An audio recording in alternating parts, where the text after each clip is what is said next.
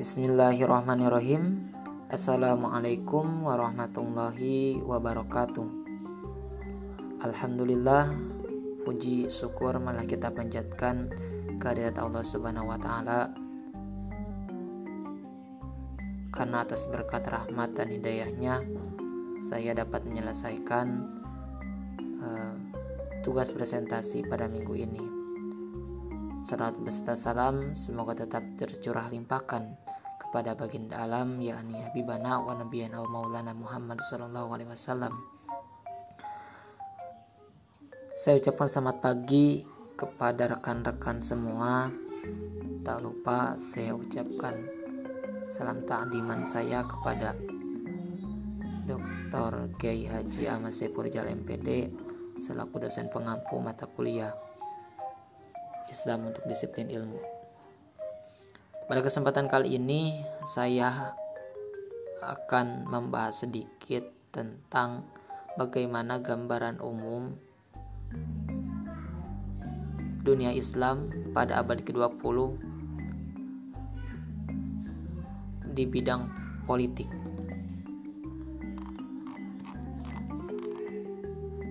Politik senantiasa diperlukan oleh masyarakat di negara mana pun ia merupakan upaya untuk memelihara urusan umat di dalam dan di luar negeri. Nah, jika memandang seorang dalam sosoknya sebagai dunia atau sebagai manusia yang sifatnya manusiawi itu ataupun sebagai individu yang hidup dalam komunitas tertentu, maka sebenarnya ia bisa disebut sebagai seorang politikus. Di dalam hidupnya manusia tidak pernah berhenti dan mengurusi urusan sendiri, urusan orang lain yang menjadi tanggung jawabnya, urusan bangsanya, ideologi dan pemikiran-pemikirannya. Nah, oleh karena itu, setiap individu, kelompok, organisasi, ataupun negara yang memperhatikan urusan umat, misalkan dalam lingkup negara dan wilayah-wilayah mereka, bisa disebut sebagai politikus.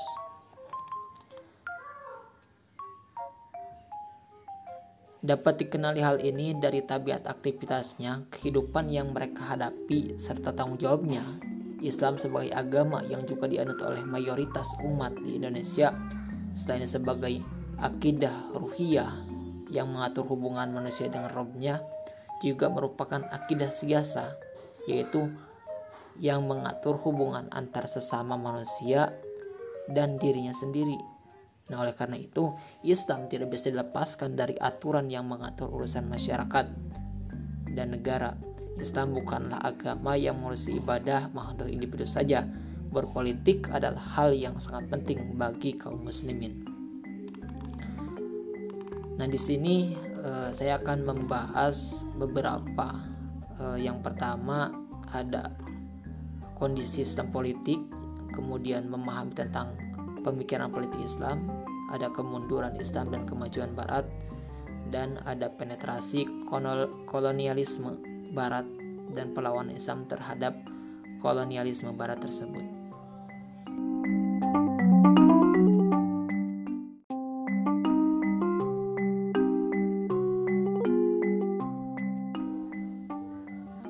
Baik, pembahasan yang pertama yaitu mengenai munculnya pemikiran politik modern.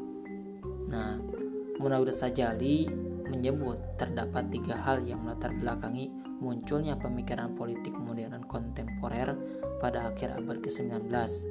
Yang pertama, kemunduran dan kerapuhan dunia Islam yang disebabkan oleh faktor-faktor internal yang berakibat munculnya gerakan pembaharuan dan pemurnian. Yang kedua, yaitu rongrongan barat terhadap keutuhan kekuasaan politik dan wilayah dunia Islam yang berakhir dengan dominasi atau penjajahan oleh dunia barat atas sebagian besar wilayah Islam dengan akibat rusaknya, rusaknya hubungan antara Islam dan barat dan berkembangnya sikap anti barat dari umat Islam sendiri. Kemudian yang ketiga, ada keunggulan barat dalam bidang ilmu, politik, dan organisasi. Nah, dalam kaitannya dengan politik ada beberapa pemikiran Islam. Yang pertama ada Jamaluddin Al-Afghani menghendaki reformasi dan pembaharuan politik Islam dengan mengganti bentuk khilafah menjadi republik. Kemudian ada uh, Muhammad Abdu nah salah seorang muridnya uh, Al-Afghani beliau tidak terlalu memperdulikan bentuk-bentuk pemerintahan menurutnya jika sistem khilafah masih tetap menjadi pilihan oleh pemerintahan maka bentuk ini harus bersifat dinamis. Artinya uh, mengikuti perkembangan masyarakat dalam kehidupan materi dan kebebasan berpikir. Sebagai dampak positifnya, umat Islam mampu mengantisipasi dinamika zaman. Kemudian ada pemikiran politik menurut Rashid Ridho justru cenderung ke arah tradisionalisme daripada modernisme. Nah, dalam bukunya Al-Khilafah atau Al-Mamah Al-Uzma Ridho menegaskan bahwa jabatan khilafah perlu dihidupkan kembali melalui ahlul hal wal akad. Baginya, jabatan khilafah merupakan kewajiban syara yang eksistensinya sangat penting dalam rangka penerapan hukum Islam yang terjamin dan terhindar dari berbagai bahaya karena bentuk pemerintahan yang lain menurutnya tidak mampu menerapkan syariat Islam gitu. Nah, kemudian dalam kaitannya dengan menghidupkan kembali lembaga kehilafahan tadi, Rasidido mengemukakan gagasan-gagasan program pelaksanaannya, yaitu tempat kedudukan khilafah baru menurutnya adalah tempat yang strategis dan secara geografis berada di tengah dunia Islam. Kemudian cara mempersiapkan calon khalifah salah satu syarat utama bagi seorang khalifah atau ahlul hali wal akdi adalah berpengetahuan luas dan mampu beristihad. Kemudian diadakannya Muktamar Islam yang dihadiri oleh wakil-wakil negara Islam seluruh dunia. E, muktamar tersebut e, pernah diselenggarakan di Mesir tahun 1926 namun gagal karena tidak dapat tercapai satu kesepakatan. Kemudian ada um, Muhammad uh, Oh, Abu Kalam Azad menjelaskan bahwa kekhalifahan sebagai pengganti nabi dalam urusan duniawi adalah satu-satunya bentuk pemerintahan yang sah. Pentingnya pembentukan lembaga ini e, adalah untuk mengarahkan umat Islam pada jalan yang lurus untuk menegakkan keadilan, menciptakan perdamaian dan penyebaran firman Allah di muka bumi. Kemudian menurut Hussein Haikal prinsip-prinsip dasar kehidupan kemasyarakatan yang diberikan oleh Al-Quran dan Sunnah tidak ada yang langsung berkaitan ketatanegaraan. Kehidupan bernegara bagi umat Islam dimulai pasca Nabi hijrah dan menetap di Madinah. Nah, menurutnya eh, setelah kedudukan umat Islam di Madinah eh, mapan, Nabi juga tidak berubah pola pemerintahan yang ada apa yang sering terjadi adalah apabila turun wahyu maka Nabi mengarahkan umat sesuai dengan petunjuk wahyu tersebut tanpa bergeser dari prinsip-prinsip dasar pemerintahan yang sudah ada. Kemudian Ali Abdur Rajik dalam bukunya Al-Islam wal Usul Al-Hukum memperkenalkan teori yang tidak hanya mengkritik keabsahan kekhalifahan tetapi juga mempertanyakan dasar-dasar kekuasaan Islam Pokok-pokok pikirannya adalah sebagai berikut, yaitu yang pertama, bahwa Nabi tidak membangun negara dan otoritasnya murni bersifat spiritual. Kemudian, Nabi tidak menentukan sistem pemerintahan yang definitif karena e, karena itu umat Islam bebas memilih bentuk pemerintahan apa pun yang mereka rasakan cocok. Kemudian yang ketiga bahwa tipe-tipe pemerintahan pasca wafatnya Nabi tidak memiliki dasar dalam doktrin Islam. Nah, sistem itu semata-mata diadopsi oleh orang-orang Arab yang dinaikkan derajatnya dengan istilah khalifah untuk memberi legitimasi religius.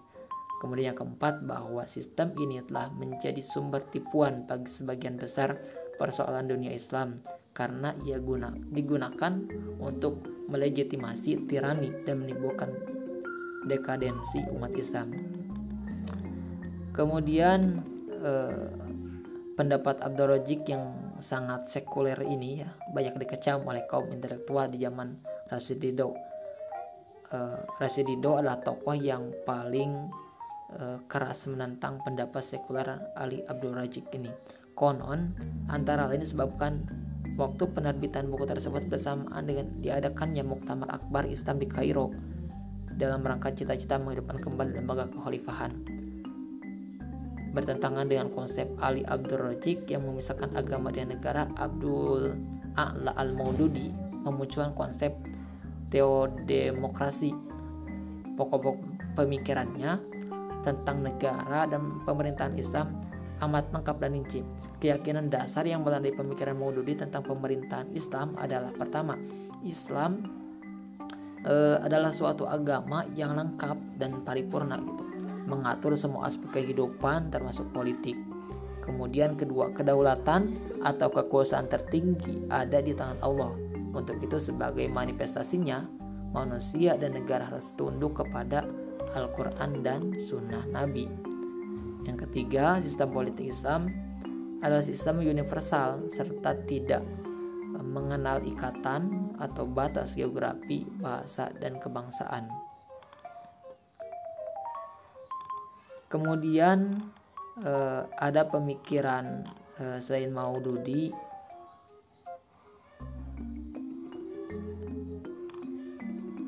yaitu bagaimana idealisme Islam kutub tampak ditujukan agar Islam menjadi ideologi bagi dua bagi dunia modern. Pandangan Islam atau ideologi kutub ini diartikan sebagai dasar bagi sebuah negara Islam Menurutnya, tipe pemerintahan semacam ini harus didirikan dengan memperhatikan kepentingan umat Islam yang merealisasikan pandangan dunia Islam.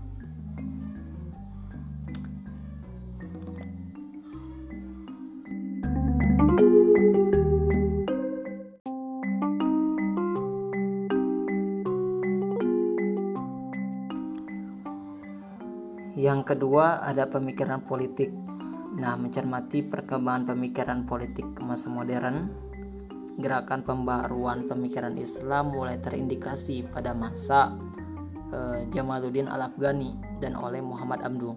Pembaruan tersebut semakin ditegaskan dengan konsep rasionalismenya. Nah, pendapat Abdu ini dilatar belakangi oleh mandeknya pemikiran masyarakat muslim waktu itu. Hal ini disebabkan Islam pemerintahan yang absolut dan senap dan sewenang-wenang. Nah, menurut Abdu, eh, syariah Islam itu mempunyai dua pengertian.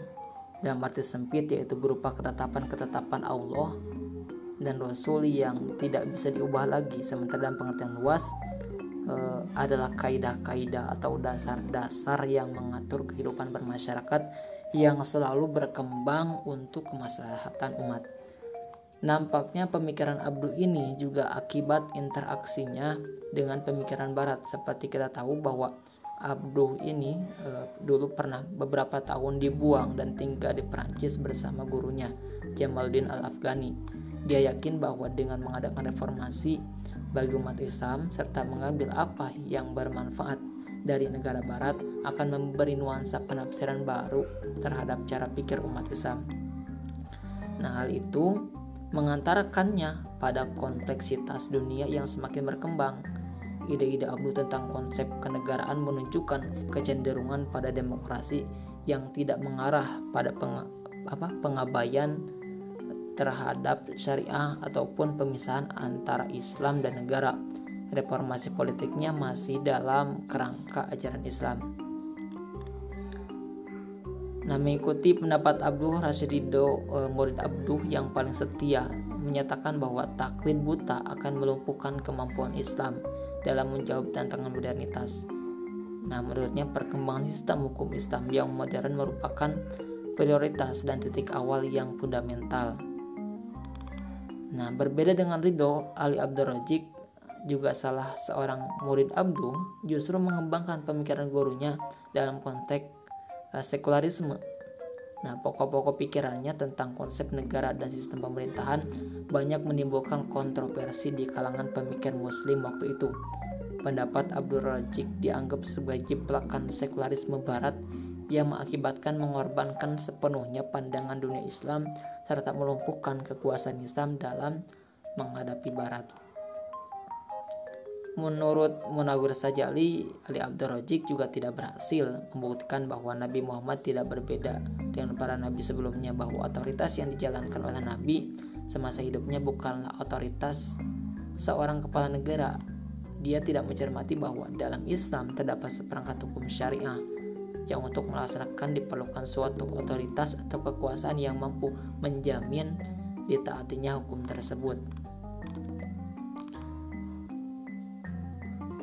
Kemudian yang ketiga ada kemunduran Islam dan kemajuan Barat. Nah, bersamaan dengan kemundurnya tiga kerajaan Islam pada periode pertengahan sejarah Islam, Barat yang tengah dalam kebodohan dan keterbelakangan memancarkan sinarnya ke seluruh dunia. Nah, kemajuan Barat tidak lepas dari sumbangan hajanah keilmuan dan metode berpikir Islam yang rasional di antara saluran yang masuknya peradaban Islam ke Eropa adalah Perang Salib, Silisia dan Spanyol yang Eropa merupakan bagian dari Islam itu sendiri. Ketika Islam berjaya di Spanyol sejak abad eh, ke-12 Masehi, banyak orang belajar di sana dan banyak menerjemah karya-karya ilmiah umat Islam. Sepulang ke negeri masing-masing mereka meniru pola Islam, mengajarkan ilmu pengetahuan, yang dipelajari di universitas-universitas Islam. Dan inilah yang selanjutnya melahirkan Renaissance atau pencerahan baru, reformasi, dan rasionalisme Eropa. Abad ke-16-17 Masehi merupakan era signifikan dalam proses Renaissance Barat, sedangkan akhir abad ke-17 merupakan era kemunduran umat Islam. Nah, di masa inilah banyak uh, Barat banyak melakukan penyelidikan terhadap alam semesta, penaklukan laut, dan penjajahan benua yang masih diselimuti oleh kegelapan. Kemajuan dalam bidang perdagangan bisa dilihat dengan ditemukannya benua Amerika pada tahun 1492 Masehi oleh Christopher Columbus pada masa itu dan Vasco da Gama menemukan jalan ke timur melalui Tanjung Harapan Nah, di samping perkembangan di bidang ekonomi, Barat juga e, berkembang pesat gitu di bidang ilmu pengetahuan, terutama untuk kekuatan militer. Misal, ya meskipun sebelumnya pasukan Turki Utsmani memiliki kemajuan yang cukup pesat dan ini diakui oleh dunia. Dengan sebuah ini semakin lengkaplah kemunduran Islam di berbagai bidang dibanding Barat. Nah, ini semua bisa dilihat dengan kalah telaknya kekuatan Islam terhadap Barat seperti Turki Utsmani yang berperang dengan Eropa dan kerajaan Mughal dengan Inggris, kemudian beberapa kekuatan Islam di Asia Tenggara jatuh di tangan Barat.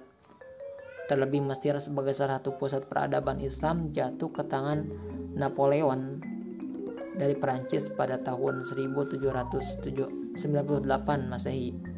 Dengan semakin lebarnya jurang antara timur dan barat ini, semakin membuka mata orang timur untuk banyak belajar dari barat di samping dalam perkembangan eh, hampir seluruh kekuasaan Islam jatuh ke tangan barat.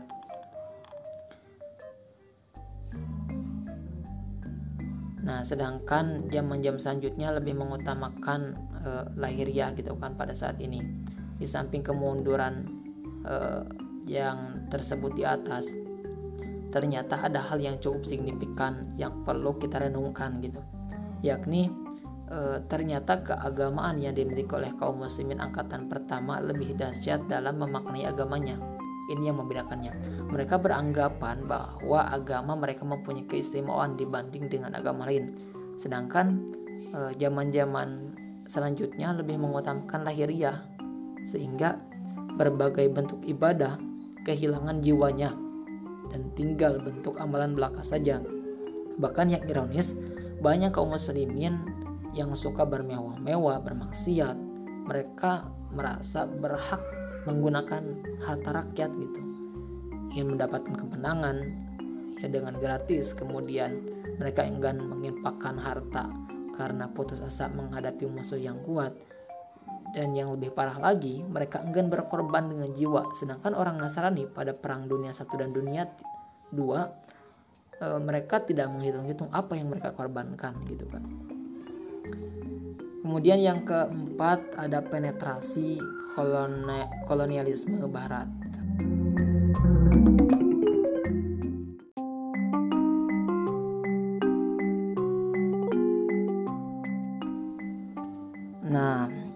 Penetrasi kolonialisme barat pada tahun 1800 Masehi sampai sekarang merupakan periode modern bagi sejarah Islam yang mana di awal periode ini merupakan periode di mana Islam di bawah penetrasi kolonialisme barat.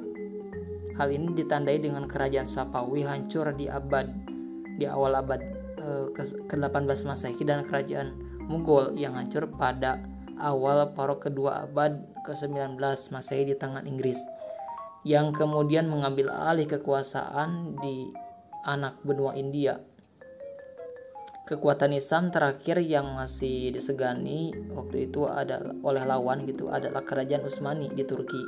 Akan tetapi yang terakhir ini pun terus mengalami kemunduran demi kemunduran sehingga ia dijuluki sebagai the sick man of Eropa. Orang sakit dari Eropa gitulah sebutannya kelemahan kerajaan-kerajaan Islam itu menyebabkan Eropa dapat mencaplok menduduki dan menjajah negeri-negeri Islam dengan mudah. Nah, kemudian bagaimana perlawanan Islam terhadap kolonialisme barat? Nah, pada awal abad ke-20 mulai bermunculan pemikiran pembaharuan dalam Islam.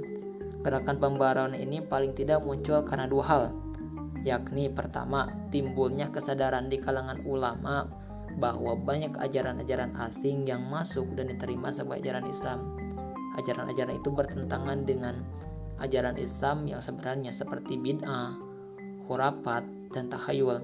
Ajaran-ajaran inilah yang menurut mereka yang membawa Islam menjadi mundur. Oleh karena itu, mereka bangkit untuk membersihkan Islam dari ajaran atau paham seperti itu.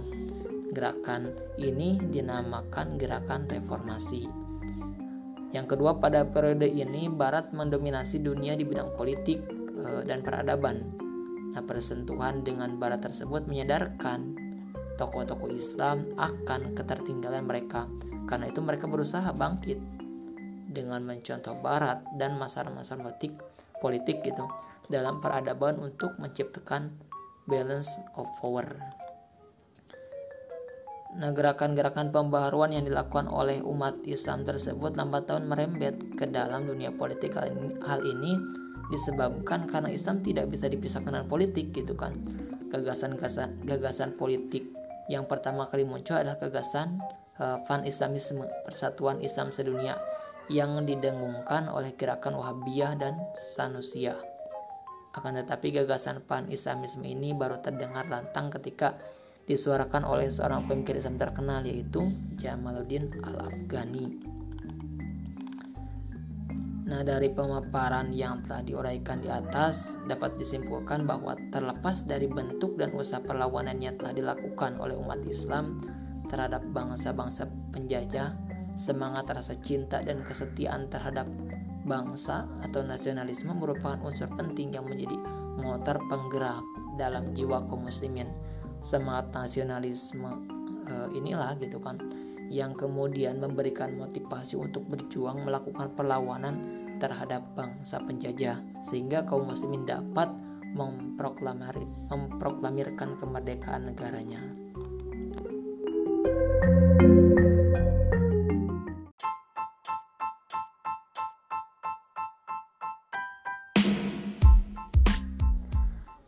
Nah, sebagai penutup, menindaklanjuti cara respon pemikir-pemikir Islam terhadap perkembangan pemikiran Barat, Cara pandang para pemikir-pemikir di atas dapat diklasifikasikan dalam tiga paradigma. Yang pertama, ada paradigma tradisionalisme yang meneruskan dan menghidupkan kembali prinsip-prinsip kenegaraan yang berkembang sebelumnya, terutama pada masa Khulafaur Rasyidin. Nah, paradigma tersebut e, atau paradigma ini tidak mutlak menolak pemikiran barat, namun lebih mengutamakan penanaman kembali unsur-unsur Islam dalam sistem pemerintahan. Nah, di antara tokoh-tokohnya adalah Rashid Ridho, kemudian ada Abu Kalam Ajad. Kemudian yang kedua ada paradigma modernisme, akomodatif terhadap pemikiran barat, baik dengan melakukan justifikasi dari nilai-nilai Islam maupun melakukan islamisasi terhadap pemikiran barat tersebut. Tokohnya antara lain Muhammad Abdu dan Ali Abdul Razik. Yang ketiga, ada paradigma fundamentalisme menolak pemikiran barat bah, barat gitu kan bahwa menganggapnya sebagai musuh politik dan buda, dan budaya tidak mengikuti paradigma tradisional namun membuat konsep sendiri tentang pemikiran politik Islam tokohnya antara lain Said Kutub dan Abdul A'la Al-Mududi